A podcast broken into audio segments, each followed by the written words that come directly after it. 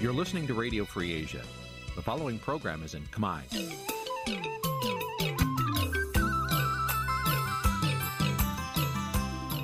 Nǐ ជាកម្មវិធីផ្សាយ Vuthu Azizi Serai នេះជាកម្មវិធីផ្សាយរបស់ Vuthu Azizi Serai ជាភាសាខ្មែរ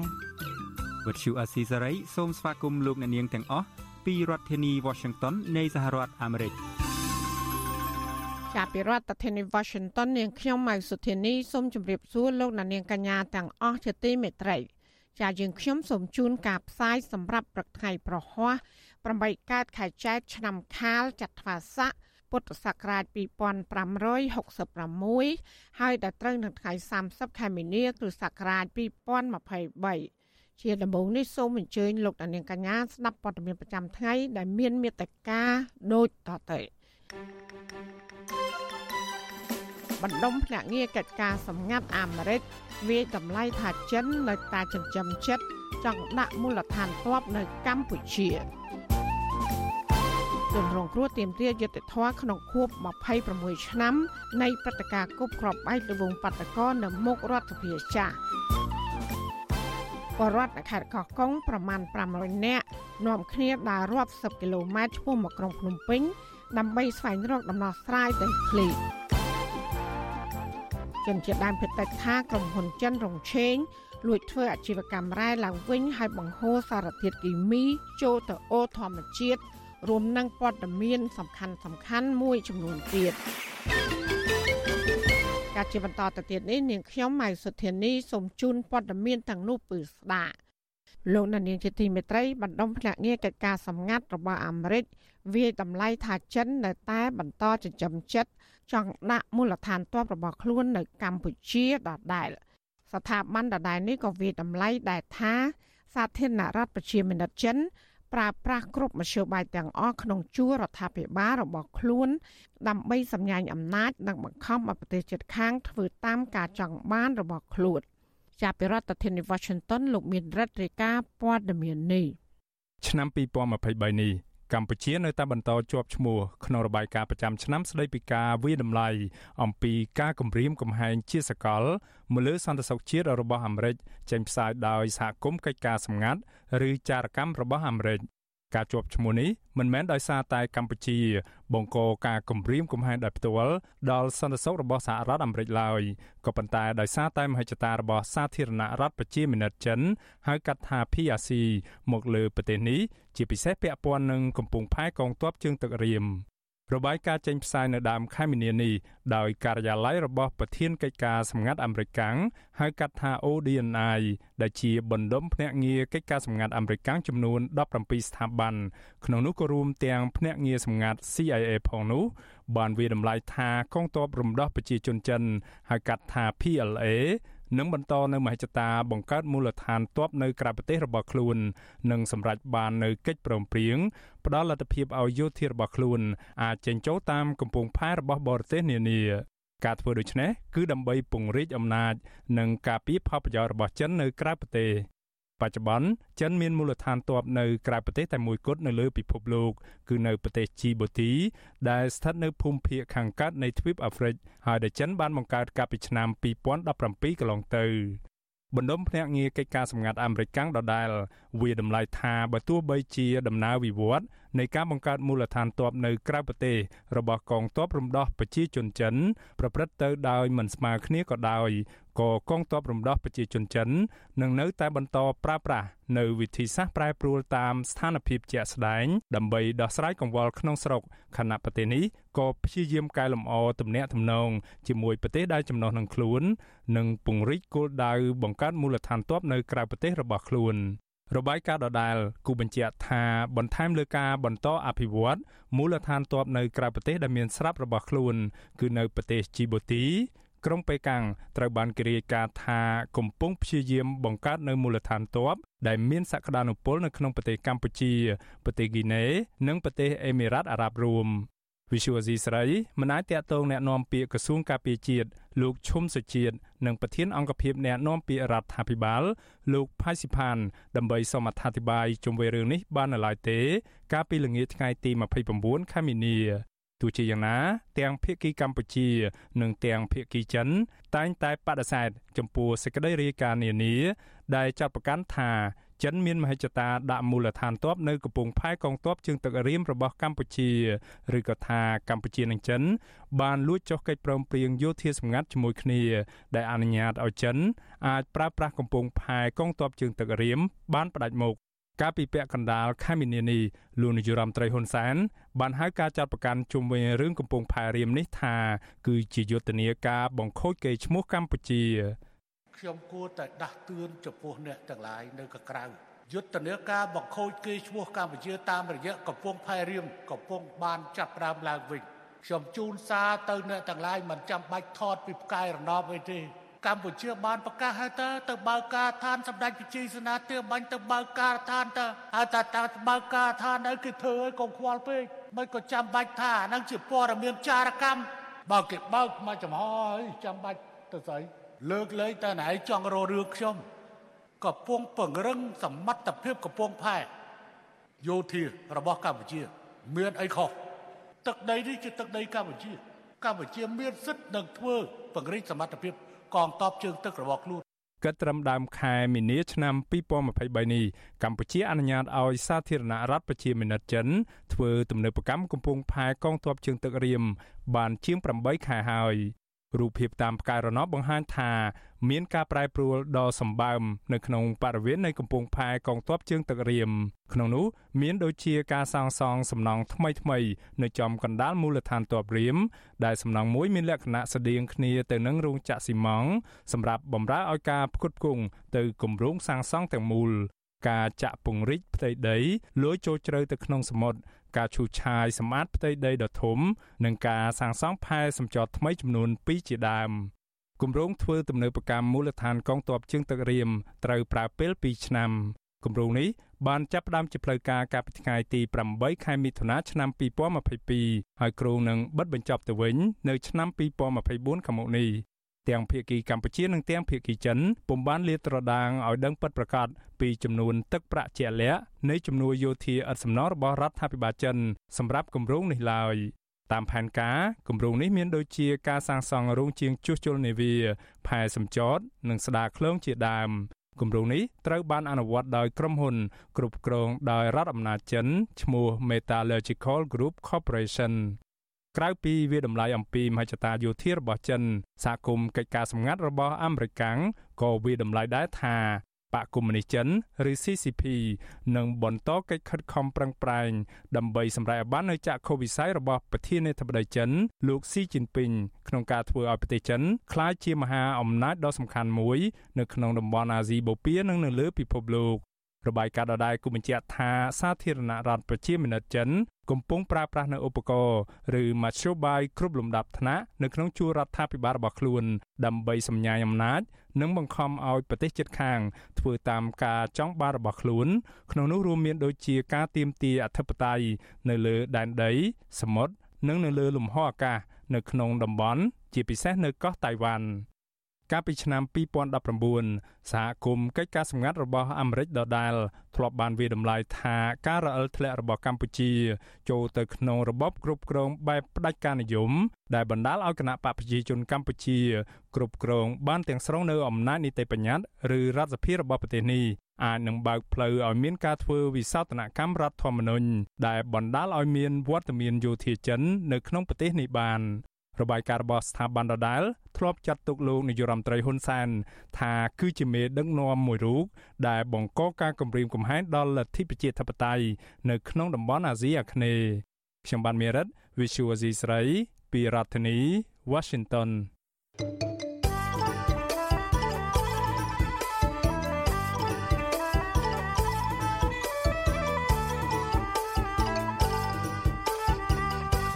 ចាលោកដានីជាទីមេត្រីអតីតមេបដកម្មនិងជាសកម្មជនបពប្រឆាំងដ៏លេចធ្លោម្នាក់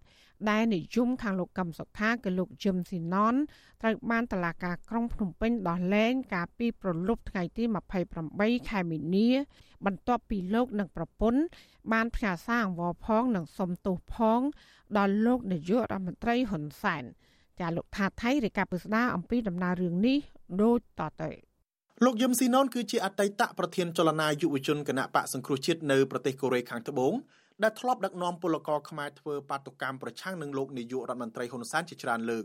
លោកបានវិលជួលមករស់នៅប្រទេសកម្ពុជាវិញនៅខែមករាឆ្នាំ2022បន្ទាប់ពីលោកបានសរសេរលិខិតសុំអន្តរាគមន៍ទៅលោកហ៊ុនសែនកាលពីខែកញ្ញាឆ្នាំ2021ហើយភ្លាមភ្លាមនោះលោកហ៊ុនសែនក៏បានយល់ព្រមបញ្ជាឲ្យតុលាការដកចោលការចោទប្រកាន់ទាំងឡាយលើលោកយឹមស៊ីណូន និងសហការីរបស់លោកចំនួន9នាក់ពាក់ព័ន្ធនឹងការគ្រប់គ្រងដំណើរមាតុភូមិនិវត្តរបស់លោកសំរងស៊ីកាលពីថ្ងៃទី9ខែវិច្ឆិកាឆ្នាំ2019បន្ទាប់ពីចូលដល់កម្ពុជាភ្លាមលោកយឹមស៊ីណុនបានចាប់ផ្ដើមបង្ហាញមុខនៅក្នុងក្រុមលោកកម្មសខាព្រមទាំងបង្កើនទំនាក់ទំនងជាមួយលោកហ៊ុនសែននិងកូនប្រុសច្បងរបស់លោកគឺលោកហ៊ុនម៉ាណែតដែលត្រៀមចាំស៊ីគេបន្តពីឪពុកលោកយឹមស៊ីណុនធ្លាប់កំដរលោកកម្មសខាទៅអង្គុយជជែកនិងញ៉ាំនំជាមួយលោកហ៊ុនសែន នៅក្នុងពិធីបុណ្យសពបងប្រុសរបស់លោកហ៊ុនសែនកាលពីខែឧសភាឆ្នាំ2022បន្ទាប់មកសកម្មជនបកប្រឆាំងរូបនេះក៏បានជួបជាមួយលោកហ៊ុនម៉ាណែតក្នុងអំឡុងខែសីហាឆ្នាំ2022ខណៈអ្នកទាំងពីរក៏ធ្លាប់ជួបគ្នានៅប្រទេសកូរ៉េខាងត្បូងដែរទោះជាយ៉ាងណា កាលពីរសៀលថ្ងៃទី21ខែមិនិនាលោកហ៊ុនសែនបានផ្ទុះកំហឹងជាខ្លាំងនិងបញ្ជាឲ្យសមត្ថកិច្ចចាប់ខ្លួនលោកយឹមស៊ីណូននិងដៃគូរបស់លោកម្នាក់ទៀតគឺលោកហ៊ុនកុសលបន្ទាប់ពីពួកគាត់បានបង្ហោះសារតាមបណ្ដាញសង្គម ពាក់ព័ន្ធនឹងរូបភាពដែលចោទថាលោកហ៊ុនសែនមានអំណាចជាងព្រះមហាក្សត្រក្នុងពេលចូលរួមព្រឹត្តិពិធីប្រទានព្រះអគិជ័យកីឡានៅខេត្តសៀមរាបសំណេរដើមរបស់លោកយឹមស៊ីណូនបានសរសេរថាបើតាមសម្លេងពលរដ្ឋតាមហាងកាហ្វេថ្ងៃនេះយើងអាចឃើញច្បាស់ថានរណាជាស្ដេចផែនដីពិតប្រាកដរីឯលោកហ៊ុនកុសលវិញលោកបានសរសេរថាលោកនឹងប្រើសមត្ថភាពចូលរួមពូនផ្ដុំជាមួយលោកកម្មសខាដើម្បីការពារប្រជាស្ដារព្រះមហាក្សត្រនិងប្រជាបល្ល័ង្ក ក្រោយពីឃើញក្រុមលោកហ៊ុនសែនធ្វើបាបប្រទេសនិងបន្ទាបប្រជាស្ដារព្រះមហាក្សត្រខ្មែរគ្រប់ច្រកបើទោះបីជាភ្លាមភ្លាមនោះលោកយឹមស៊ីណុនបានលុបសារនោះចោលវិញនិងបង្ហោះសារបកស្រាយថាលោកគ្រាន់តែបង្ហោះសារសម្លេងរបស់អ្នកអង្គុយផឹកកាហ្វេក្តីក៏លោកហ៊ុនសែនមិនរំសាយកំហឹងឡើយលោកហ៊ុនសែនបានចូលទៅបញ្ចេញមតិឬខមមិនតបវិញជាបន្តបន្ទាប់ថាមិនចាំបាច់លុបសារចោលទេក្មួយព្រោះលោកបានថតទុកជាភ័ស្តុតាងរួចទៅហើយលោកថែមទាំងសរសេរថាករណីនេះបើគ្មានទោសទើបចម្លែក ព្រោះនេះមិនមែនជារបៀបនៃការបញ្ចេញមតិឡើយតែជាការបំភ្លៃការពិតដោយចេតនាទោះយ៉ាងណាលោកហ៊ុនសែនទាំងសរសេរក្តីនិយាយផ្ទាល់មាត់ក្តីហាក់ប្រយ័ត្នប្រយែងនឹងតែងបន្ទាបខ្លួនឲ្យនៅក្រោមច្បាប់ជានិច្ចដើម្បីកុំឲ្យបង្ហាញននលគោកពេកថាលោកមានឥទ្ធិពលលើប្រព័ន្ធតុលាការលោកខំសរសេរបញ្ជាក់ថារឿងក្តីនេះទុកជូនតុលាការកាត់ក្តីទៅចោះក៏ប៉ុន្តែលុះព្រឹកឡើងថ្ងៃទី22មិនិនាក្នុងពេលដែលតុលាការកំពុងសាកសួរលោកយឹមស៊ីណូននិងលោកហ៊ុនកុសលនោះ លោកហ៊ុនសែនក៏បានឆ្លៀតឱកាសក្នុងពេលចែកសញ្ញាបត្រដល់និស្សិតដោយថ្លែងទាំងញ័រសម្លេងថាលោកនឹងមិនអធិស្ឋានឲ្យលោកយឹមស៊ីណូនដែលលោកចាត់ទុកជាក្មេងពីលទៀតនោះទេព្រោះលោកធ្លាប់អធិស្ឋាននឹងជួយសម្រួលឲ្យលោកយឹមស៊ីណូនបានចូលមកប្រទេសកម្ពុជាម្ដងរួចហើយហេតុអីបានតែឯងធ្វើចឹងជាចេតនាដ៏អាក្រក់តែខ្ញុំមិនជំរុញឲ្យតឡាការយកអ្វីដែលខ្ញុំនិយាយទៅធ្វើជាទម្ងន់នៃការចោទប្រកាន់ទេអត់ទេតែខ្ញុំត្រូវធ្វើការបោះស្រាយដើម្បីធានាថា ព្រះមហាក្សត្រមិនត្រូវបានគេប្រមាថហើយនាយករដ្ឋមន្ត្រីក៏មិនត្រូវបានគេមើលគេដែរខ្ញុំសូមបញ្ជាក់ថាខ្ញុំមិនអត់អន់ឲ្យនរណាដាច់ខាត់លើការប្រមាថអស់ទៅនេះត្រូវតែប្រៅប្រៅច្បាប់ឬរដ្ឋបាលហើយណាសួរសិនសួរសិនហើយខ្ញុំនឹងមិនទទួលយកការសុំទោសណាទាំងអស់សូមប្រកាសហើយលោកហ៊ុនសែននិយាយចប់តុលាការក៏ដឹងទូនាទីរបស់ខ្លួនដែរ ចៅក្រមស៊ើបសួរនៃសាលាដំបងរាជធានីភ្នំពេញអ្នកស្រីយីសុកវូចបានសម្រេចចោទប្រកាន់សកម្មជននយោបាយទាំងពីរនាក់ពីបទប្រមាថព្រះមហាក្សត្រនិងញុះញង់បង្កឲ្យមានភាពវឹកវរធ្ងន់ធ្ងរដល់សន្តិសុខសង្គមហើយបញ្ជូនទៅឃុំខ្លួននៅពន្ធនាគារព្រៃសរម1នៅល្ងាចថ្ងៃទី22ខែមិនិនាងាកមកប្រពន្ធរបស់លោកយឹមស៊ីណុនវិញគឺលោកស្រីសុផាតមករាដែលកំពុងរស់នៅមើលថែកូនស្រីតូច2នាក់នោះលោកស្រីមិននៅស្ងៀមឡើយ មនុស្សមួយចំនួនអាចគិតថាការចោទលោកយឹមស៊ីណុនពីរឿងប្រមាថព្រះមហាក្សត្របែបនេះមានតែទៅសុំប្រជាទានទោសពីព្រះមហាក្សត្រឬទៅអង្វរតុលាការទេទើបជាជំរឹះល្អព្រោះលោកហ៊ុនសែននិងបកពួកតែនិយាយថានៅពេលសំណុំរឿងដល់ដៃតុលាការហើយអ្វីអ្វីស្រេចទៅលើតុលាការ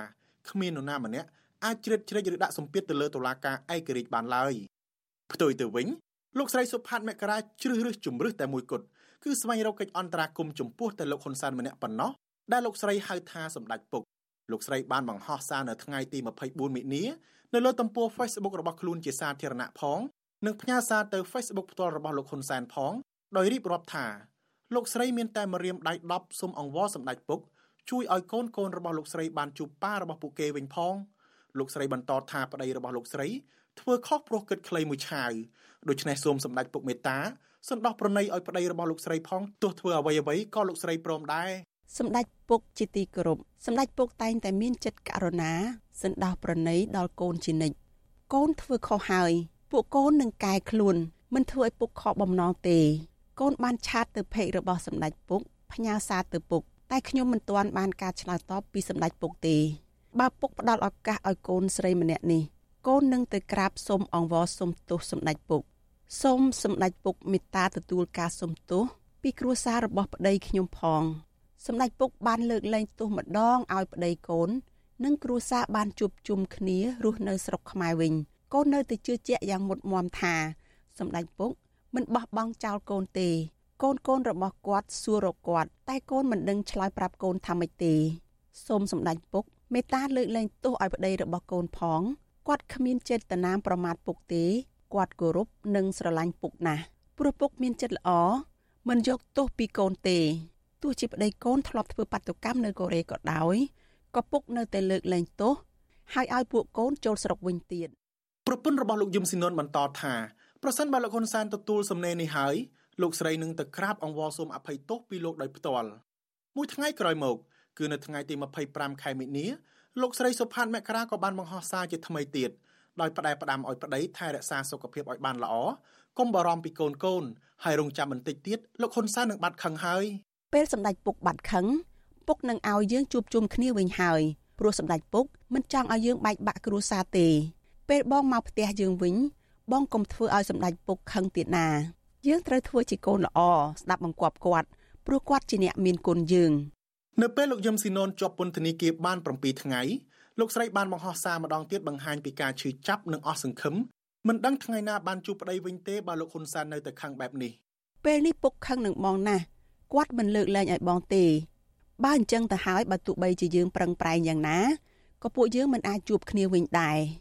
បើរស់នៅគ្មានបងទៅហើយតើអូនរស់នៅមានន័យអ្វីតើអូនរំពឹងអ្វីទៀតអ្នកណាក៏គេរើសអើងអូនដែរគេមិនជួយយើងទេ តែយើងមិនអាចបន្ទោសគេទេព្រោះបងធ្វើឲ្យអ្នកមានគុណបងគាត់ខឹងខ្លាំងណាស់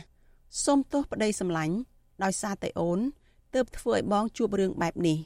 អូនស្ដាយក្រោយណាស់ បើអូនមិនឲ្យបងមកខ្មែរវិញទេបងមិនជួបរឿងបែបនេះទេ នេះជាកំហុសអូន ដោយសារតែស្រឡាញ់គ្រួសារប្រទេសកំណើតខ្លួនទើបយើងសម្រេចចិត្តមកវិញ តែមកដល់ពេលនេះគ្រួសារយើងបែរជាជួបរឿងបែបនេះបើអាចបកក្រោយវិញបានមែនអូនក៏នៅតែជ្រើសរើសផ្លូវមួយនេះដែរនៅថ្ងៃទី28ខែមិនិនាលោកស្រីបានបង្ហោះសារលើកទី4រៀបរាប់ពីកូនកូនយំនឹករកប៉ា និងនាំកូនដើរលេងជិតជិតផ្ទះដើម្បីបន្លប់កុំឲ្យនឹកដល់ប៉ាទៀតដោយឡែកលោកយឹមស៊ីណនពីក្នុងពន្ធនាគារវិញលោកបានសរសេរលិខិតផ្ទាល់ដៃ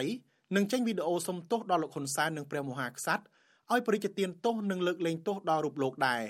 លោកយឹមស៊ីណុតដែលមានទឹកមុខស្លេកស្លក់និងដោះពុកមាត់ចេញស្កើមួយមួយក្រោយជាប់ពន្ធនាគារមួយសប្តាហ៍រៀបរាប់ថាសារដែលលោកបានបង្ហោះនៅលើទំព័រ Facebook ដែលនាំដល់ការចាប់ខ្លួនលោកនោះ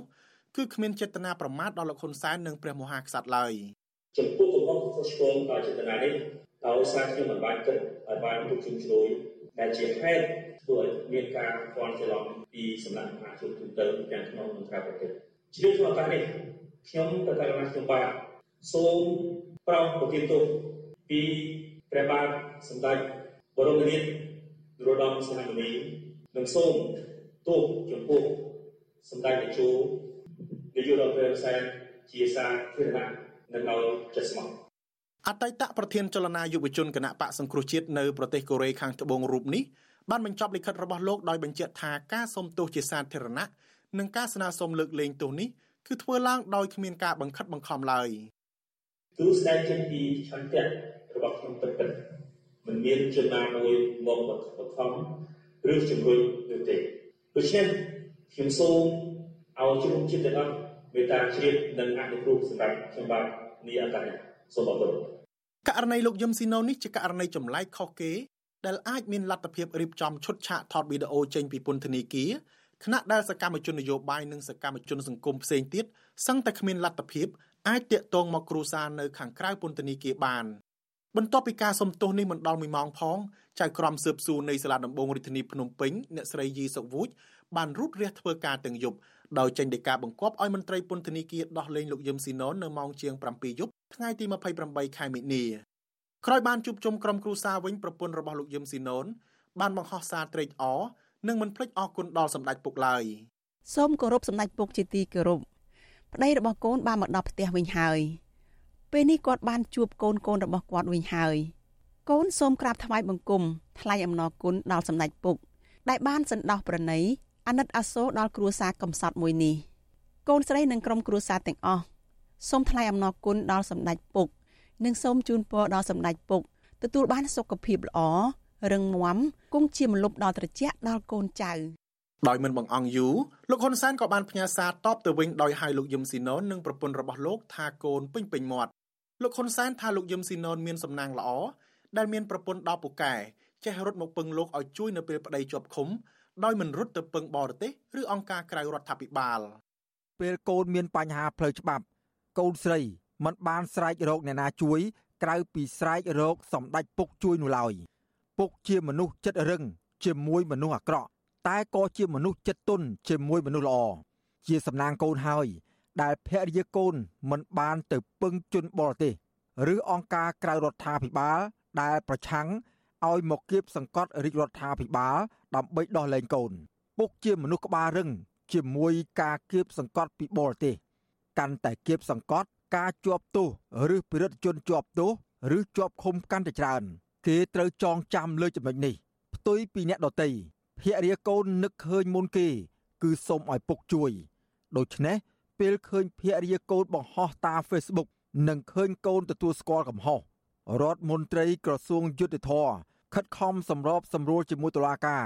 ដើម្បីឲ្យកូនបានចាក់ចេញទៅជួបប្រពន្ធកូនវិញ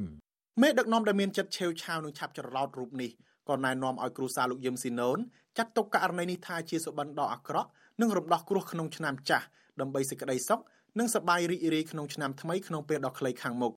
ភរិយារបស់លោកយឹមស៊ីណុនក៏បានតបទៅវិញភ្លាមថាលោកស្រីរំភើបនិងសំណាងណាស់ដែលលោកហ៊ុនសែនផ្ញើសារមកបែបនេះ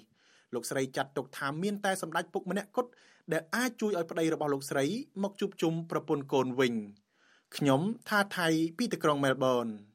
លោកអ្នកស្ដាប់ជាទីមេត្រីរីឯសកម្មជនគណៈបពប្រឆាំងម្នាក់ទៀតគឺលោកហ៊ុនកុសលដែលត្រូវបានអាជ្ញាធរចាប់ឃុំខ្លួន ក្នុងសំណុំរឿងជាមួយលោកយឹមសេណនដែរនោះ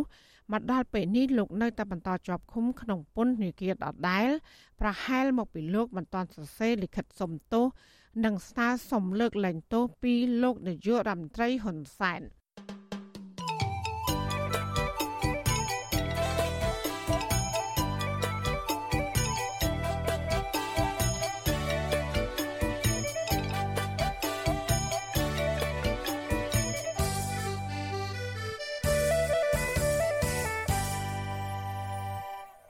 លោកណានីជាទីមេត្រីថ្ងៃ30ខែមីនាឆ្នាំ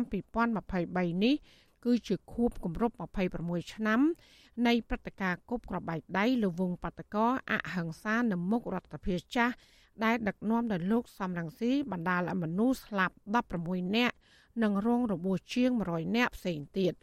ជិត30ឆ្នាំកន្លងទៅនេះរដ្ឋអំណាចមិនបានយកចិត្តទុកដាក់តាមចាប់ជនល្មើសនិងអ្នកនៅពីក្រោយខ្នងមកផ្ដន់ទោសនៅឡើយ។ ទោះជាយូរបែបនេះក្តីជនរងគ្រោះនៅតែសច្ចាស្វែងរកយុត្តិធម៌គ្រប់មធ្យោបាយទោះបីជារដ្ឋាភិបាលលោកហ៊ុនសែនមិនបានចាប់ជនសង្ស័យណាម្នាក់មកផ្ដន្ទាទោសតាមច្បាប់ក៏ដោយចាលោកដានៀងនឹងបានស្ដាប់សេចក្តីរាយការណ៍ពិស្ដារពីរឿងនេះនៅក្នុងការផ្សាយរបស់យើងនាពេលបន្តិចទៀតនេះចាលោកដានៀងកញ្ញាកំពុងស្ដាប់ការផ្សាយរបស់វិទ្យុអសីសេរីផ្សាយចេញពីរដ្ឋធានី Washington ចាដំណើរគ្នានឹងស្ដាប់ការផ្សាយរបស់វិទ្យុអស៊ីសេរីតាមបណ្ដាញសង្គម Facebook និង YouTube លោកអ្នកនាងកញ្ញាក៏អាចស្ដាប់ការផ្សាយរបស់វិទ្យុអស៊ីសេរីតាមរយៈរលក ធាតុអាកាសខ្លីឬ Short Wave តាមកម្រិតនិងកម្ពស់ដូចតទៅចាប់ពេលព្រឹកចាប់ពីម៉ោង5កន្លះដល់ម៉ោង6កន្លះតាមរយៈប៉ុស SW 9.39 MHz ស្មើនឹងកម្ពស់ 32m និងប៉ុស SW 11.85 MHz ស្មើនឹងកម្ពស់ 25m ចាសម្រាប់ពេលយប់វិញចាប់ពីម៉ោង7កន្លះដល់ម៉ោង8កន្លះតាមរយៈប៉ុស SW 9.39 MHz ស្មើនឹងកម្ពស់ 32m ប៉ុស SW 11.88 MHz ស្មើនឹងកម្ពស់ 25m និងប៉ុស SW 15.15 MHz ស្មើនឹងកម្ពស់ 20m ចាសសូមអរគុណចាលោកដានៀងជាទីមេត្រីពាក់ព័ន្ធនឹងបញ្ហាចំនួនដីធ្លីវិញក្រមបរដ្ឋខេត្តកោះកុងប្រមាណ500នាក់បាននាំគ្នាដើរតាំងពីយប់រហូតដល់ភ្លឺក្នុងចម្ងាយផ្លូវរាប់សិបគីឡូម៉ែត្រដើម្បីឡើងមកដាក់ញត្តិនៅរាជធានីភ្នំពេញការដើរដោយថ្មើរជើងនេះ ដោយសារតែក្រុមសមត្ថកិច្ចខេត្តកោះកុងបានដាក់របាំងស្ទាក់រថយន្តដឹកពួកគាត់មិនអោយបន្តដំណើរទៅមុខចាលនេះគឺជាសកម្មភាពពិស្ដាររបស់លោកទីនសាការីយ៉ាជំវិញព័ត៌មាននេះប្រជាពលរដ្ឋមានដំណោះដីធ្លីជិត1500នាក់ដោយសារការអភិវឌ្ឍនៅខេត្តកំពង់ស្ពឺនិងខេត្តកោះកុងបាននាំគ្នាធ្វើដំណើរតាមរថយន្តឈ្នួលនៅពាក់កណ្ដាលយប់អាធ្រាត្រដើម្បីឡើងមកដាក់ញត្តិនៅតាមក្រសួងស្ថាប័ននៅក្នុងរាជធានីភ្នំពេញនាព្រឹកថ្ងៃទី29មិនិនានេះ ប៉ុន្តែរថយន្តប្រមាណជា30គ្រឿងដែលដឹកក្រុមបរតមកពីខេត្តកោះកុងប្រហែលជា500នាក់ត្រូវបានកងកម្លាំងសមត្ថកិច្ចដាក់របាំងស្ទាក់នៅតាមផ្លូវរហូតធ្វើឲ្យពួកគាត់ត្រូវបង្ខំចិត្តចុះដើរដោយថ្មើរជើង តាំងពីម៉ោង1យប់រហូតដល់ម៉ោង7កន្លះព្រឹកក្នុងចម្ងាយផ្លូវប្រមាណជា20គីឡូម៉ែត្រទើបសមត្ថកិច្ចដោះលែងរថយន្តឲ្យមកដឹកពួកគាត់បន្តដំណើរមកដល់រាជធានីភ្នំពេញនៅរសៀលថ្ងៃទី29មីនា តំណាងបរដ្ឋមានដំណោះដីធ្លីនៅស្រុកស្រែអំបិលម្នាក់គឺលោកស្រីយីកុនធាប្រាប់វិទ្យុអាស៊ីសេរីថាក្នុងចំណោមបរដ្ឋទាំង500នាក់គឺមានទាំងមនុស្សចាស់កុមារនិងស្ត្រីកូនខ្ចីបាននាំគ្នាដើរចាប់ពីចំណុចអូជ្រៅស្ថិតនៅក្នុងស្រុកស្រែអំបិលមកដល់ចំណុចភិចនិចក្នុងស្រុកកំពង់សិលាខេត្តប្រស័យហនុ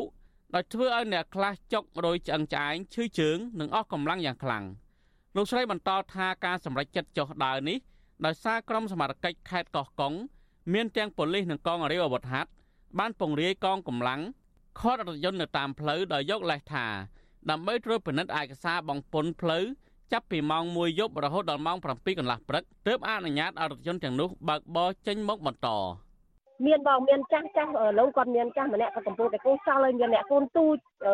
ច្រើនដែរបងមានអ្នកកូនទូចគេច្រើនអញ្ចឹងគាត់ធ្វើគាត់ដើរយប់អញ្ចឹងវាវាជួបហានិភ័យបងយប់យើងងឹតអត់មានមើលគ្នាឃើញទេអញ្ចឹងណាមានអ្នកខ្លះគាត់មកគ្រប់ជាងហើយមានអ្នកខ្លះចេះកូនអាយុហើយជា3ខួបហើយមានអ្នកខ្លះកូន6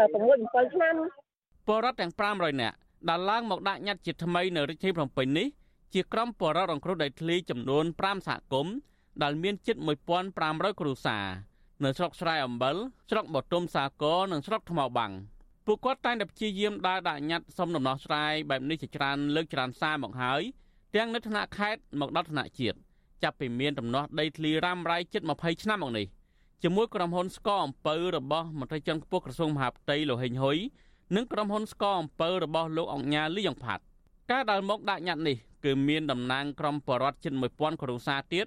មកពីសហគមន៍ក្រីក្រដែលស្នើសុំដីសម្បត្តិសង្គមកិច្ចពីរដ្ឋាភិបាលសម្រាប់ធ្វើស្រែចម្ការ ក្រុមបរដ្ឋបានបញ្ជាក់ថាអាជ្ញាធរភូមិឃុំ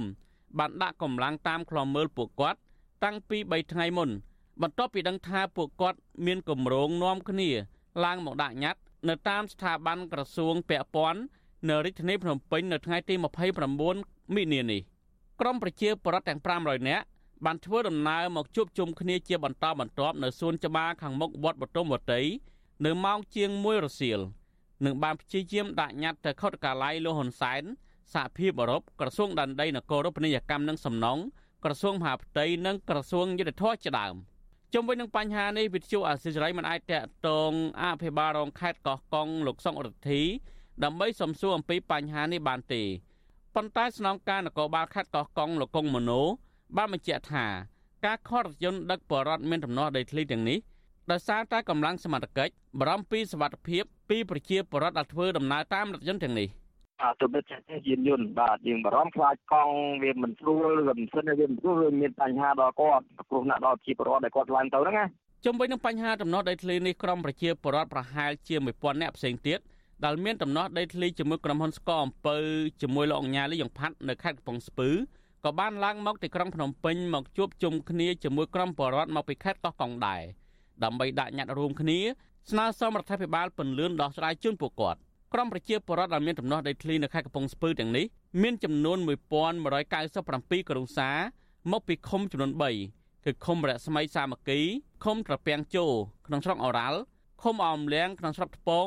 ដែលមានដំណោះដីធ្លីជាមួយក្រុមហ៊ុនស្កអំពៅលោកលីយ៉ុងផាត់តាំងពីឆ្នាំ2011មកតំណាងបរដ្ឋមានដំណោះដីធ្លីនៅឃុំរស្មីសាមគ្គី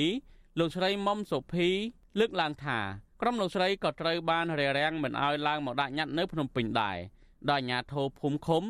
បានទៅគម្រាមម្ចាស់រថយន្តកុំឲ្យបើកចេញពីផ្ទះមកដឹកក្រុមលោកស្រីលោកស្រីបន្តថាដោយសារតែរងចាំយូរពេកតាំងពីម៉ោង4ព្រឹកដល់ម៉ោង6ព្រឹកមិនឃើញឡានមកដឹកក្រុមលោកស្រីក៏បានដើរទៅរកជួលឡានថ្មីនៅឃុំផ្សេងទៀតចម្ងាយប្រហែលជា10គីឡូម៉ែត្រ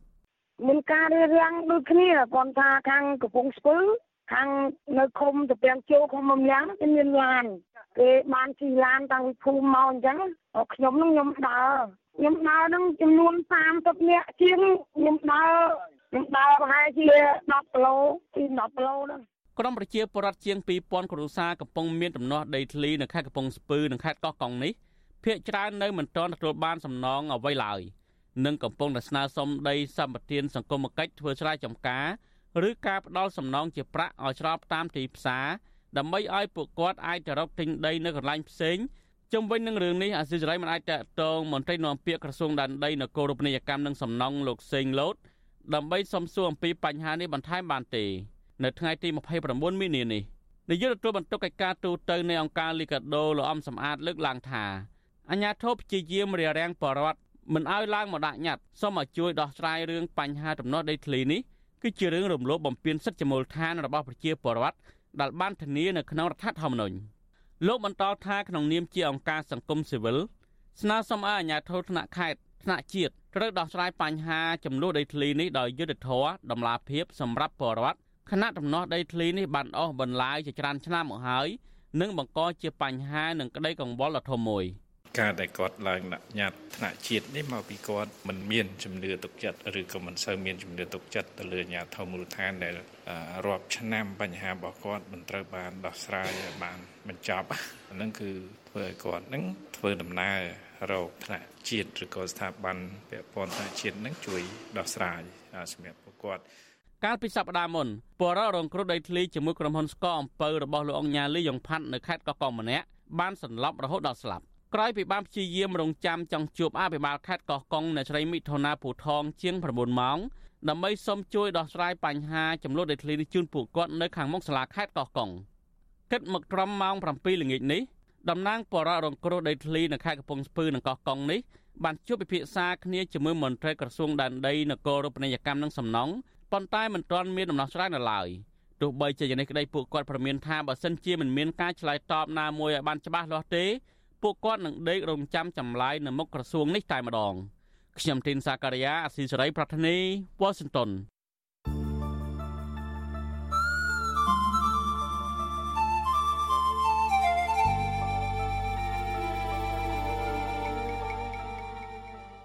ចាលោកដានីលជាទីមេត្រីពីខេត្តមណ្ឌលគិរីអនុវិញ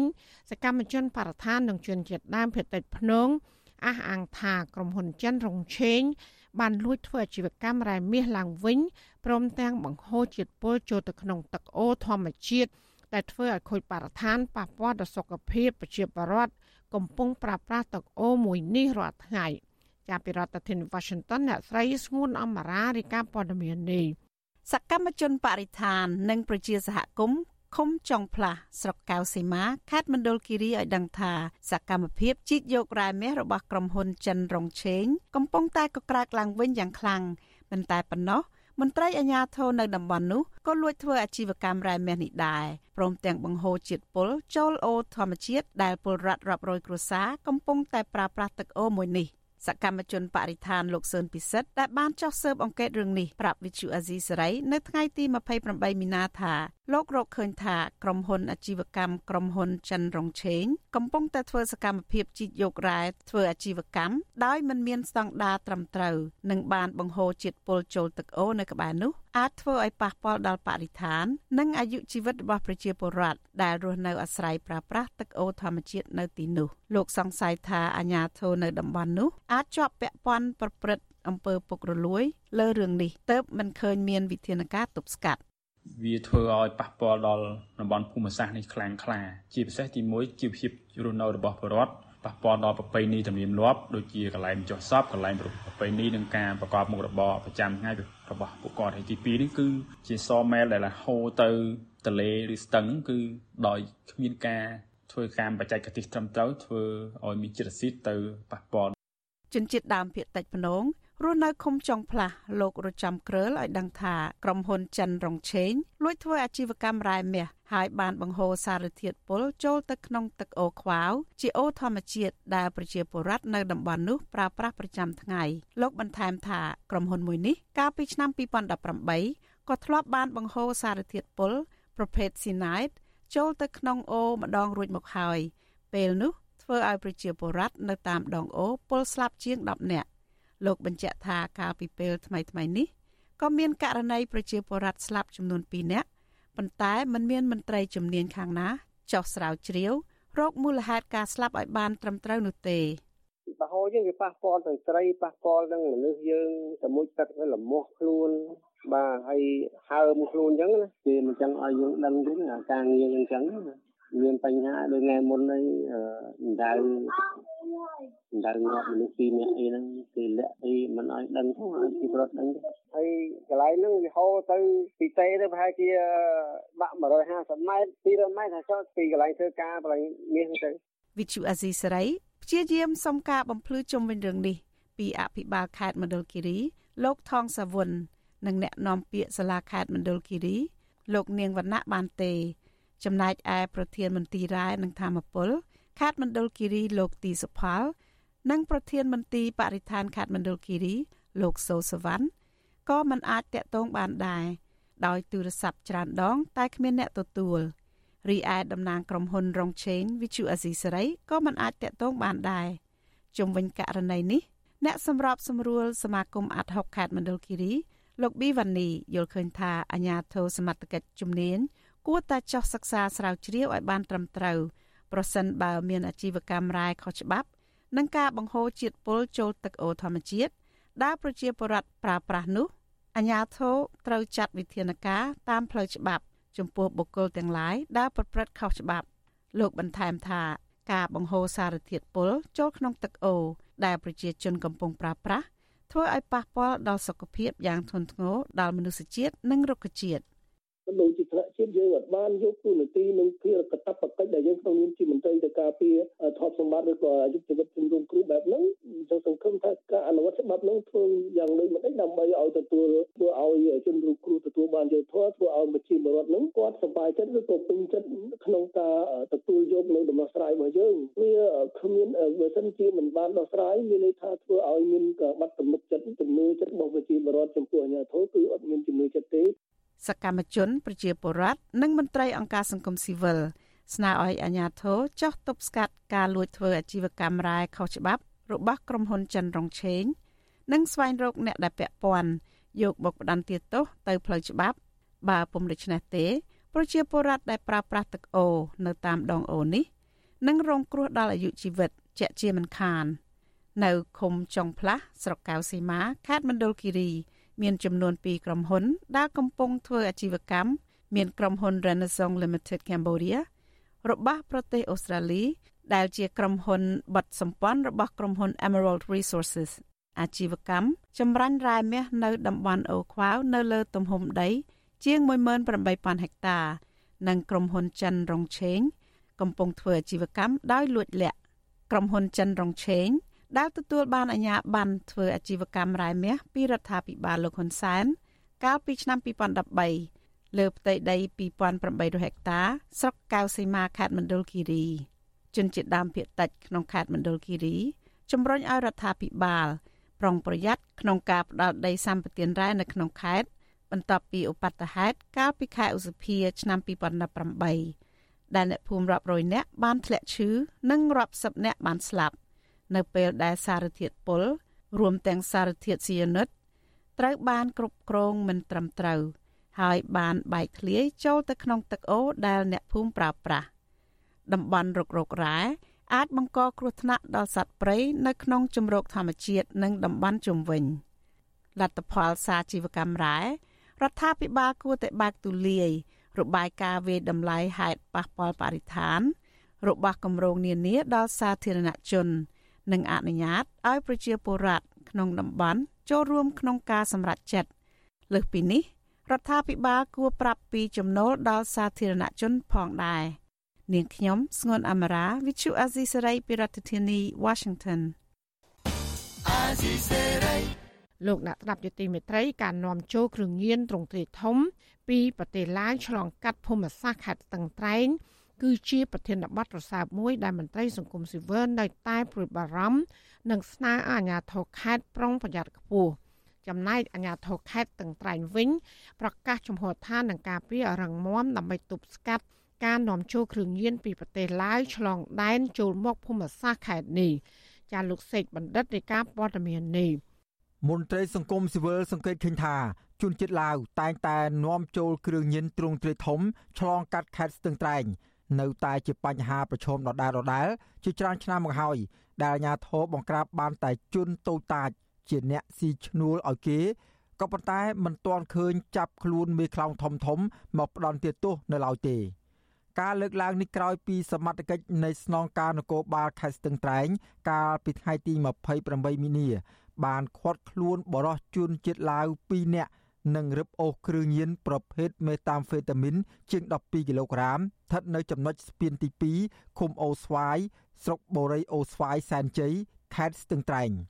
គ្រឿងញៀនដែលជនជាតិឡាវនាំចូល បង្កប់ក្នុងធុងមួយ បន្លំជាស្ករ និងកញ្ចប់តែ បិទចិត្តហើយក្នុងពេលខាត់ខ្លួនប៉ូលីសបានសួរនាំពួកគេជាភាសាឡាវចាក់ដូចចាក់បានផ្លាក់ឲ្យកាប់ចាក់មកមើលកាប់ចាក់ខ្ញុំផ្លាក់អានេះអត់ប្រើមេវាមកអស់ដុំដែរនោះ មន្ត្រីនាំពាក្យសមាគមការពារសិទ្ធិមនុស្សអាត6លោកសឹងសានករណាយល់ថាសមត្ថកិច្ចគួរតែស៊ើបអង្កេតតាមចាប់ខ្លួនមេខ្លោងធំធំ នៅពីក្រៅខ្នងជួនជាតិឡាវទាំងនោះ ដើម្បីទប់ទល់ករណីនេះឲ្យមានប្រសិទ្ធភាពលោកយល់ថាអាញាធរគួរតែកំណត់ភូមិសាស្ត្រខេត្តស្ទឹងត្រែងជាតំបន់អាទិភាពក្នុងការពង្រឹងវិធានការបង្ក្រាបគ្រឿងញៀនឲ្យមានប្រសិទ្ធភាព។ លោកវាតម្លៃថាសមត្ថកិច្ចអនុវត្តច្បាប់បញ្ហាគ្រឿងញៀននៅមិនទាន់ចំគោលដៅស្នូលពិតប្រាកដនៅឡើយទេ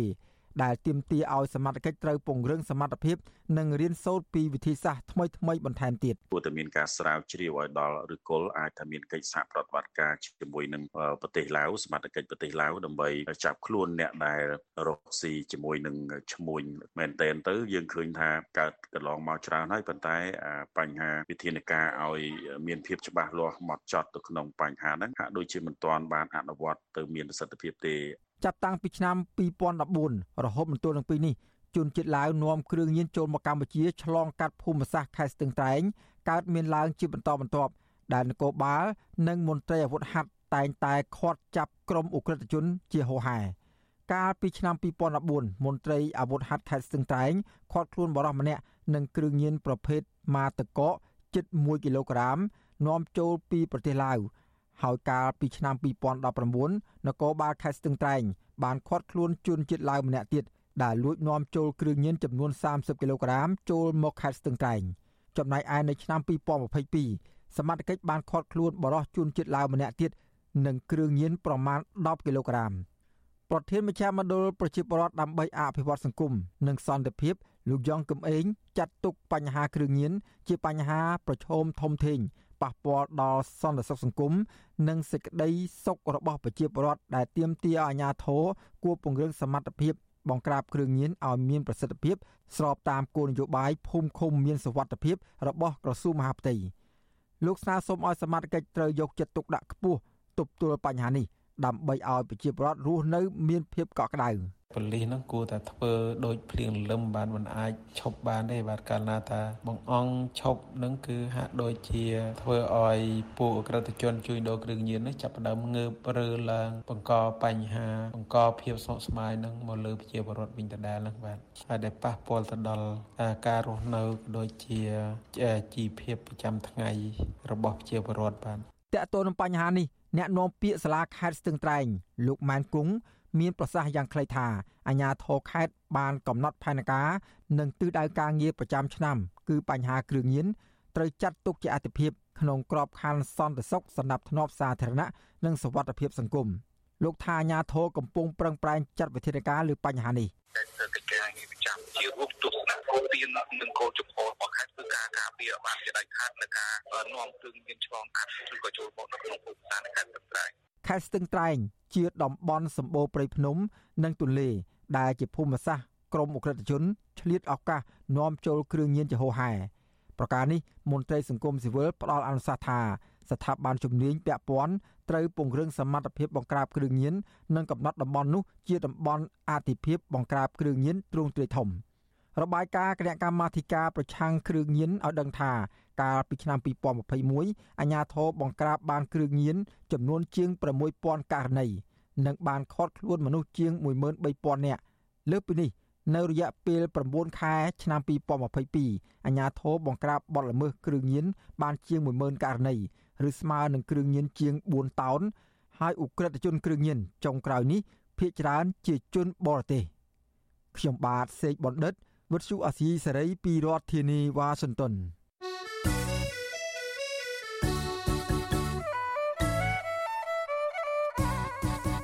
ាលោកនានីជាទីមេត្រីវិទ្យុអសិស្រ័យសូមជូនដំណឹង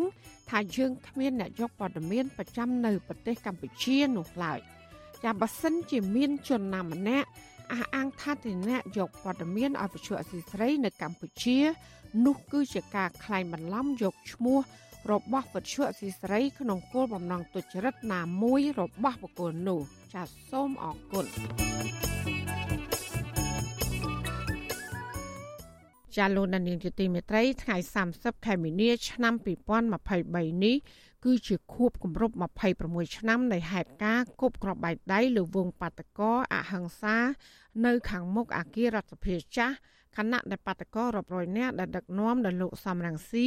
ឈរស្រ័យទាមទារឲ្យមានការកែតម្រង់ប្រព័ន្ធតុលាការនិងលក្ខខណ្ឌការងារជូនកម្មករនោះក្របបែកចំនួន4គ្រាប់ត្រូវបានឃាតករគប់មកលើពួកគាត់បណ្ដាលឲ្យស្លាប់16នាក់និងរងរបួសជាង100នាក់ផ្សេងទៀត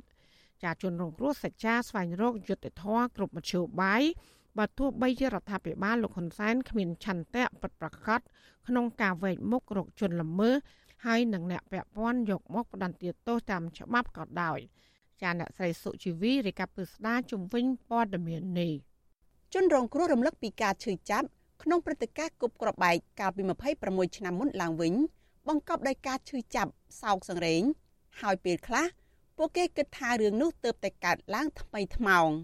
ពួកគេនៅតែចិញ្ចឹមចិត្តស្នើរដ្ឋាភិបាលលោកហ៊ុនសែនបង្ហាញការពិតពាក់ព័ន្ធនឹងរឿងនោះដដែល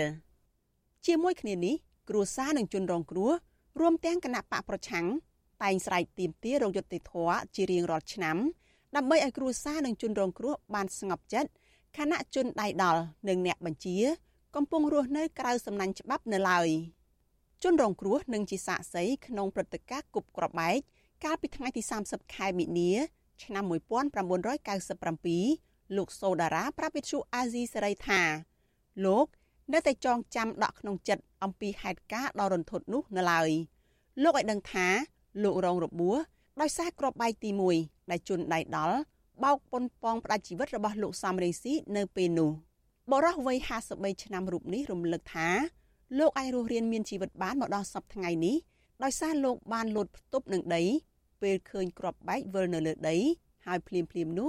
សម្លេងគប់ក្របបែកបានផ្ទុះឡើងជាបន្តបន្ទាប់ដែលបណ្ដាលឲ្យអំបែងគ្រាប់ខ្ទាតត្រូវលោកមួយចំហៀងខ្លួន ចំណែកអ្នកខ្លះត្រូវស្លាប់ និងអ្នកខ្លះទៀតរងរបួសដេកស្ដោកស្ដឹងទ្រហោយំរកបងប្អូននៅក្នុងថ្លុកឈាមលន់លឺពេញសួនច្បារនៅខាងមុខរដ្ឋសភាចាស់លោករៀបរាប់ថា បច្ចុប្បន្ននេះលោករស់នៅជាមួយនឹងអំបែងគ្រាប់ដែលខំជាប់ឆ្អឹងផ្លូវនិងជង្គង់ខាងស្ដាំ5កន្លែងអស់រយៈពេល26ឆ្នាំមកហើយ។ 26ឆ្នាំឬក៏ប្រហែលឆ្នាំក្រោយមកទៀតគឺខ្ញុំមិនអាចបំភ្លេចបានព្រឹត្តិការណ៍ដូចជានៅព្រែព្រាមនៅខាងមុខនោះម៉ែព្រោះវាជាការជាស្ដាយផ្ទាល់នឹងភ្នែកហើយខ្ញុំមិនអាចបំភ្លេចព្រឹត្តិការណ៍ព្រៃផ្សាយរបស់រដ្ឋាភិបាលនេះបានព្រឹត្តិការណ៍ដែលសង្រេងខ្លាំងនឹងគេគឺស្រ័យចំពោះយំស្រ័យពោបងក៏អូនទាំងធ្លុកឈាមនៅក្នុងធ្លុកឈាមវេសវ៉ាដូចជាអ្នកលក់ទំពើម្នាក់គួរអាងផលមកកណាត់ខ្លួនគឺកាច់អស់លីងតែម្ដងគឺมันអាចទប់នឹងអានឹងអ្វីដែលយើងមើលឃើញផ្ទាល់នៅ ហើយការទីចាប់បានគឺมันអាចបំភ្លេចបានខ្ញុំលោកសូដារ៉ាឲ្យដឹងទៀតថាក្រោយហេតុការណ៍នោះ2ថ្ងៃលោកបានធ្វើជាសាក្សីនិងនាំមន្ត្រីការិយាល័យស៊ើបអង្កេតសហព័ន្ធរបស់អាមេរិក FBI ទៅពិនិត្យដល់កន្លែងបើទោះបីជាអាជ្ញាធរមូលដ្ឋាន និងប៉ូលីសគម្រាមកំហែងពីសវត្ថិភាពរបស់លោកយ៉ាងណាក្តីលោកអះអាងថាការបោកគ្រាប់បែកនៅពេលនោះគឺជាការរៀបចំទុកជាមុនដោយសាររដ្ឋាភិបាលលោកហ៊ុនសែន បានដាក់កងកម្លាំងប្រដាប់អាវុធបានយ៉ាងត្រឹមត្រូវនៅខាងមុខវត្តបទុមបដី និងព័ទ្ធជុំវិញវងបាតកោជាពិសេសក្រោយគប់ក្របបែកទាហានមួយក្រុម បានជួយរំដោះជនដៃដល់កិច្ចខ្លួនចូលទៅក្នុងវត្តថែមទៀតហេតុការគប់ក្របបែកលើវងបាតកោអហិង្សា ដែលកំពុងតវ៉ាទាមទាររយុត្តិធម៌សង្គមនិងទាមទារឲ្យកែតម្រង់ប្រព័ន្ធយុត្តិធម៌កាលពីថ្ងៃទី30ខែមិនិនាឆ្នាំ1997នោះ មានមនុស្សយ៉ាងហោចណាស់16នាក់បានស្លាប់និងជាង100នាក់ផ្សេងទៀតរងរបួសបាតុកម្មកាលនោះដឹកនាំដោយលោកសំរងស៊ីជាអតីតប្រធានគណៈបកជាតិខ្មែរធ្វើឡើងនៅខាងត្បូងព្រះបរមរាជវាំងខាងមុខមន្ទីររដ្ឋសភាចាស់ដែលបច្ចុប្បន្នជាតុលាការកំពូលវិទ្យុអាស៊ីសេរីមិនអាចតាក់ទងប្រធានអង្គភិបអ្នកនាំពាក្យរដ្ឋាភិបាលលោកផៃស៊ីផានអ្នកនាំពាក្យក្រសួងយុតិធធលោកចិនម៉ាលីននិងអ្នកនាំពាក្យក្រសួងមហាផ្ទៃលោកខៀវសុភ័ក្រ ដើម្បីបកស្រាយជុំវិញរឿងនេះបានទេនៅថ្ងៃទី28និងទី29ខែមិនិនា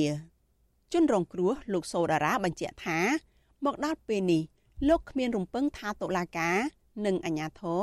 ដែលស្ថិតនៅក្រោមខ្សែញាក់របស់លោកហ៊ុនសែនបើកការស៊ើបអង្កេតស្វែងរកយុត្តិធម៌ដល់ជនរងគ្រោះនោះឡើយតែទោះជាយ៉ាងណា លោកជឿថាពន្លឺយុត្តិធម៌សម្រាប់លោកនិងជនរងគ្រោះផ្សេងទៀតកំពុងលេចចេញបណ្ដាបណ្ដាមកហើយ តាមរយៈតុលាការនៅប្រទេសបារាំងដែលបានចេញដីកាតាមចាប់ខ្លួនមេអង្គរៈរបស់លោកហ៊ុនសែនគឺលោកហ៊ីងប៊ុនហៀងនិងលោកហ៊ុយពិសិដ្ឋឲ្យទទួលខុសត្រូវចំពោះអំពើប្រៃផ្សៃលើកោតតកស្លូតត្រង់ ទានទាននៅយុទ្ធវិធម៌ហ្នឹងគឺម្នាក់ម្នាក់មិនមានការពេញចិត្តរឿងតឡាការដែលក្រុងក្នុងពេញហ្នឹងបានសម្រេចអីមួយឬក៏តាមដានអីមួយហើយពួកយើងដែលជាអ្នករងគ្រោះមិនអាចយកពីផ្លូវការបានហើយមិនមិនទុកចិត្តលើតឡាការបើសិនជាតឡាការអន្តរជាតិដូចជាប្រទេសបារាំងអាចរកឃើញនៅក្នុងរឿងនេះពួកយើងនឹងមានសេចក្តីពលឺទឹកចិត្តរបាយការណ៍ស៊ើបអង្កេតនានាសុទ្ធតែបង្ហាញថា ការវាយប្រហារដោយគ្រាប់បែកនេះត្រូវបានរៀបចំឡើងដោយមេកងអង្គរៈលោកហ៊ុនសែនគឺលោកហ៊ីងប៊ុនហៀង និងលោកហ៊ុយពិសិដ្ឋតុលាការក្រុងប៉ារីសនៃប្រទេសបារាំងប្រកាសអនុវត្តដីកាតាមចាប់ខ្លួនមនុស្សចំណិតរបស់លោកហ៊ុនសែនទាំងពីររូបនេះកាលពីចុងឆ្នាំ2021ពីបទប៉ុនប៉ងសម្លាប់មនុស្សផ្អែកតាមបណ្ដឹងរបស់ប្រធានស្ដីទីគណៈបកសង្គ្រោះជាតិលោកសំរងស៊ីនិងភរិយា ដែលជាជនរងគ្រោះនៅក្នុងហេតុការណ៍គប់ក្របបែកនោះមន្ត្រីជាន់ខ្ពស់គណៈបកសង្គ្រោះជាតិលោកម៉ែនសុថាវរិនចាត់ទុកចំណាត់ការរបស់តុលាការបារាំងកន្លងមកនេះ ថាគឺជាពន្លឺយុត្តិធម៌និងក្តីសង្ឃឹមសម្រាប់ជនរងគ្រោះទាំងអស់លោកបញ្ជាក់ថាលោកហ៊ីងប៊ុនហៀងនិងលោកហ៊ុយពិសិដ្ឋអាចមានសេរីភាពនៅកម្ពុជានៅពេលនេះបានតែប្រសិនបើអ្នកទាំងពីរហ៊ានជន់ទឹកដីបារាំងឬជន់ទឹកដីនៃប្រទេសដែលសហការជាមួយនឹងប៉ូលីសអន្តរជាតិអាំងតេកប៉ូលគឺនឹងត្រូវចាប់ខ្លួនយកមកផ្ដន្ទាទោសនៅចំពោះមុខច្បាប់ចំពោះមុខតុលាការឯករាជ្យភ្លាមលោកបន្តថាពេលណាលោកហ៊ុនសែន អស់តួនាទីជានាយករដ្ឋមន្ត្រី ពេលនោះក៏មិនរួចផុតពីការចាប់ខ្លួនដែរទន្ទឹមនឹងនេះមន្ត្រីបកប្រឆាំងរូបនេះអំពាវនាវដល់អ្នកប្រជាធិបតេយ្យទាំងអស់រួមគ្នាផ្សព្វផ្សាយព័ត៌មានពិត និងបន្តយុទ្ធនាការទៀមទាយុត្តិធម៌ជូនជនរងគ្រោះឲ្យបានផុសផុលដើម្បីលុបបំបាត់អំពើនិទានភាព រឿងហ្នឹងគឺទីទនភាពនៅតែមានបន្តទៀតដែលរបបលោកហ៊ុនសែនគាត់មិនដែលស្រាវជ្រាវទេគឺពួកគាត់អ្នកប្រព្រឹត្តផ្ទាល់ជាងគាត់អត់ដែលស្រាវជ្រាវប៉ុន្តែរឿងណាដែលប្រឌិតគឺគាត់រកឃើញព្រាមពិតគាត់រឿងណាដែលគាត់ប្រព្រឹត្តគឺរកមិនដែលឃើញទេលោកម៉ែនសុថាវរិនឲ្យដឹងថាឆ្នាំនេះសមាជិកសមាជិកាគណៈបកប្រឆាំងនិងពលរដ្ឋរស់នៅក្រៅប្រទេសនឹងនាំគ្នារៀបចំពិធីតាមបែបសាសនា ដើម្បីរំលឹកនិងធ្វើបុណ្យឧទ្ទិសកុសលជូនជនរងគ្រោះ ដែលស្លាប់នៅក្នុងព្រឹត្តិការណ៍កាលពី26ឆ្នាំមុនជុំវិញរឿងនេះនាយកទទួលបន្ទុកកិច្ចការទូតនៃអង្គការសិទ្ធិមនុស្សលីកាដូលោកអំសំអាតមានប្រសាសន៍ថាជនរងគ្រោះនៅក្នុងព្រឹត្តិការណ៍គប់ក្របបែកកាលពី26ឆ្នាំមុនពួកគេមិនទាន់បានទទួលយុត្តិធម៌នៅឡើយទេលោកយល់ថាប្រសិនបរដ្ឋាភិបាលមានឆន្ទៈរយុត្តិធម៌ជូនដល់ជនរងគ្រោះមែននោះគួរតែស៊ើបអង្កេតស្វែងចាប់ជនដៃដល់និងអ្នកទទួលខុសត្រូវមកអនុវត្តច្បាប់ ដើម្បីទប់ស្កាត់កុំឲ្យវប្បធម៌បែបនេះកើតឡើងសារជាថ្មី ដែលជាគំរូអាក្រក់នៅក្នុងសង្គមអង្គការសង្គមស៊ីវិលយើងនៅតែទទូចនឹងទាមទារថានៅតែឲ្យមានការស៊ើបអង្កេតការស្វែងរកការពិតដើម្បីផ្ដល់យុត្តិធម៌សម្រាប់ជនរងគ្រោះក៏ដូចជាការទប់ស្កាត់នៅព្រឹត្តិការណ៍ទាំងអស់នេះកុំឲ្យកើតមានតទៀតទៅក្នុងសង្គមកម្ពុជាប្រសិទ្ធភាពនៃការស៊ើបអង្កេតអាចមានការស្វែងរកយុត្តិធម៌ ទេតែវាមិនអាចធ្វើការទប់ស្កាត់ព្រឹត្តិការណ៍នឹងកុំឲ្យកើតមានតទៀតបានទេបាទទន្ទឹមនឹងតុលាការនៅក្នុងប្រទេសបារាំងបញ្ជាឲ្យចាប់ខ្លួនមន្ត្រីយោធាកម្ពុជាពីររូបដែលស្មោះស្ម័គ្រនឹងលោកហ៊ុនសែននោះគ្រួសារជនរងគ្រោះនិងមន្ត្រីគណៈបកប្រឆាំងអ្នកខ្លំមើលសិទ្ធិមនុស្សសង្កេតឃើញថាការអនុវត្តច្បាប់ដោយអាជ្ញាធរកម្ពុជាវិញគឺមានស្តង់ដារពីរផ្សេងគ្នាព្រោះការវាយប្រហារដោយគ្រាប់បែកកាលពី26ឆ្នាំមុន ឬភាពអយុត្តិធម៌លើមន្ត្រីគណៈបកប្រឆាំងមិនត្រូវបានតុលាការឬសមត្ថកិច្ចកម្ពុជាចាប់បានជន់ដៃដល់និងបាក់ពួកយកមកផ្ដន់ទោសដើម្បីបង្ហាញពីដំណាភាពទេទោះបីជាមានការថ្កោលទោសពីសហគមន៍អន្តរជាតិក៏ដោយប៉ុន្តែបើសំណុំរឿងតាក់ទងនឹងរដ្ឋាភិបាលឯកបកចោតប្រកាន់មន្ត្រីបកប្រឆាំងវិញតុលាការឬសមត្ថកិច្ចបើកប្រតិបត្តិការចាប់ខ្លួនសកម្មជន ឬមេបកប្រឆាំង ហើយបញ្ជូនទៅពន្ធនាគារដោយមិនរញរាឡើយក្រៅពីជនរងគ្រោះនៃការវាយប្រហារគប់ក្របបែកដៃទៅលើបាតកោអហិង្សាដែលភ ieck ច្រើនជាកម្មកររោងចក្រយុវជននិងនិស្សិតដែលមិនទទួលបានយុត្តិធម៌នេះគ្រួសារនិងជនរងគ្រោះនៅក្នុងហេតុការណ៍បាញ់សម្លាប់លើអ្នកនយោបាយអ្នកកសែតតារាចម្រៀងនិងអ្នកការពារព្រៃឈើព្រមទាំងអ្នកវិភាគសង្គមជាដើមអញ្ញាធរដ្ឋាភិបាលក្រោមការដឹកនាំដោយលោកហ៊ុនសែន មិនដែលវេកមុខជនប្រព្រឹត្តល្មើសឬអ្នកបញ្ជានៅពីក្រោយ មកផ្ដាល់យុត្តិធម៌ឲ្យជនរងគ្រោះនិងគ្រួសាររបស់ពួកគេបានម្ដងណាឡើយគណៈបកប្រឆាំងនិងមន្ត្រីសិទ្ធិមនុស្សជាតិនិងអន្តរជាតិនៅតែចាត់ទុកករណីទាំងអស់នេះថាជាផ្នែកមួយនៃអំពើនីតិរដ្ឋភាពឬភាពគ្មានទោសពៃនៅកម្ពុជា ចំណែកជនរងគ្រោះពួកគេនៅតែបញ្ជាក់ថា ពួកគេមិនសោកស្ដាយចំពោះការចូលរួមបាតុកម្មអហិង្សា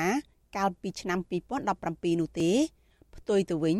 ពួកគេនៅតែចូលរួមធ្វើសកម្មភាពនៅក្នុងសង្គមបន្តទៀតដើម្បីកែតម្រង់ប្រព័ន្ធតុលាការស្ដារប្រជាធិបតេយ្យនិងការគោរពសិទ្ធិមនុស្សនៅកម្ពុជាទើបពួកគេសង្ឃឹមថាទទួលបានយុត្តិធម៌ពិតប្រាកដនាងខ្ញុំសុជីវីវិទ្យុអាស៊ីសេរីពីរដ្ឋធានី Washington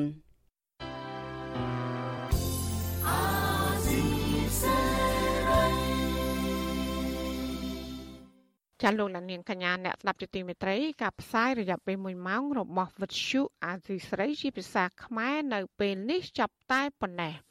ចាយើងខ្ញុំទាំងអស់គ្នាសូមជូនពរលោកនាងនិងក្រុមគ្រួសារទាំងអស់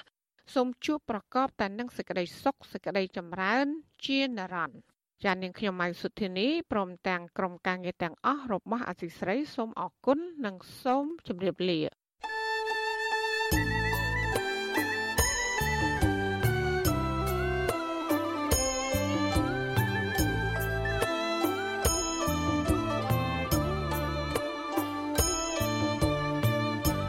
វិទ្យុអាស៊ីសេរីផ្សាយតាមរលក ធាតុអាកាសខ្លីតាមកម្រិត និងកម្ពស់ដូចតទៅនេះពេលព្រឹកចាប់ពីម៉ោង5កន្លះដល់ម៉ោង6កន្លះតាមរយៈប៉ុស SW 12.14 MHz ស្មើនឹងកម្ពស់ 25m និងប៉ុស SW 13.71 MHz ស្មើនឹងកម្ពស់ 22m ពេលយប់ចាប់ពីម៉ោង7កន្លះដល់ម៉ោង8កន្លះតាមរយៈប៉ុស SW 9.89 MHz ស្មើនឹងកម្ពស់ 31m ប៉ុស SW 11.88 MHz ស្មើនឹងកម្ពស់ 25m និងប៉ុស SW 12.14 MHz ស្មើនឹងកម្ពស់ 25m លោកអ្នកនាងក៏អាចស្ដាប់និងទស្សនាការផ្សាយផ្ទាល់នៅលើគេហទំព័ររបស់ Vuthu Azizi Saray តាមរយៈអាស័យដ្ឋាន rfa.org/ ខ្មែរក្រៅពីនេះលោកអ្នកនាងក៏អាចអាននិងទស្សនាព័ត៌មាន Vuthu Azizi Saray លើទូរស័ព្ទដៃរបស់លោកអ្នកផ្ទាល់ សូមលោកអ្នកនាងដំឡើងកម្មវិធី Vithu Azisari នៅលើទូរស័ព្ទដៃរបស់លោកអ្នកនាងឬស្វែងរក Vithu Azisari នៅលើ YouTube ឬ Facebook ដោយស្វែងរកពាក្យថា Vithu Azisari ឬ RFA ខ្មែរសូមលោកអ្នកនាងចុច like follow និងចុច subscribe ដើម្បីទទួលបានព័ត៌មានថ្មីៗទាន់ហេតុការណ៍និងទស្សនាវីដេអូផ្សេងៗទៀតបានគ្រប់ពេលវេលា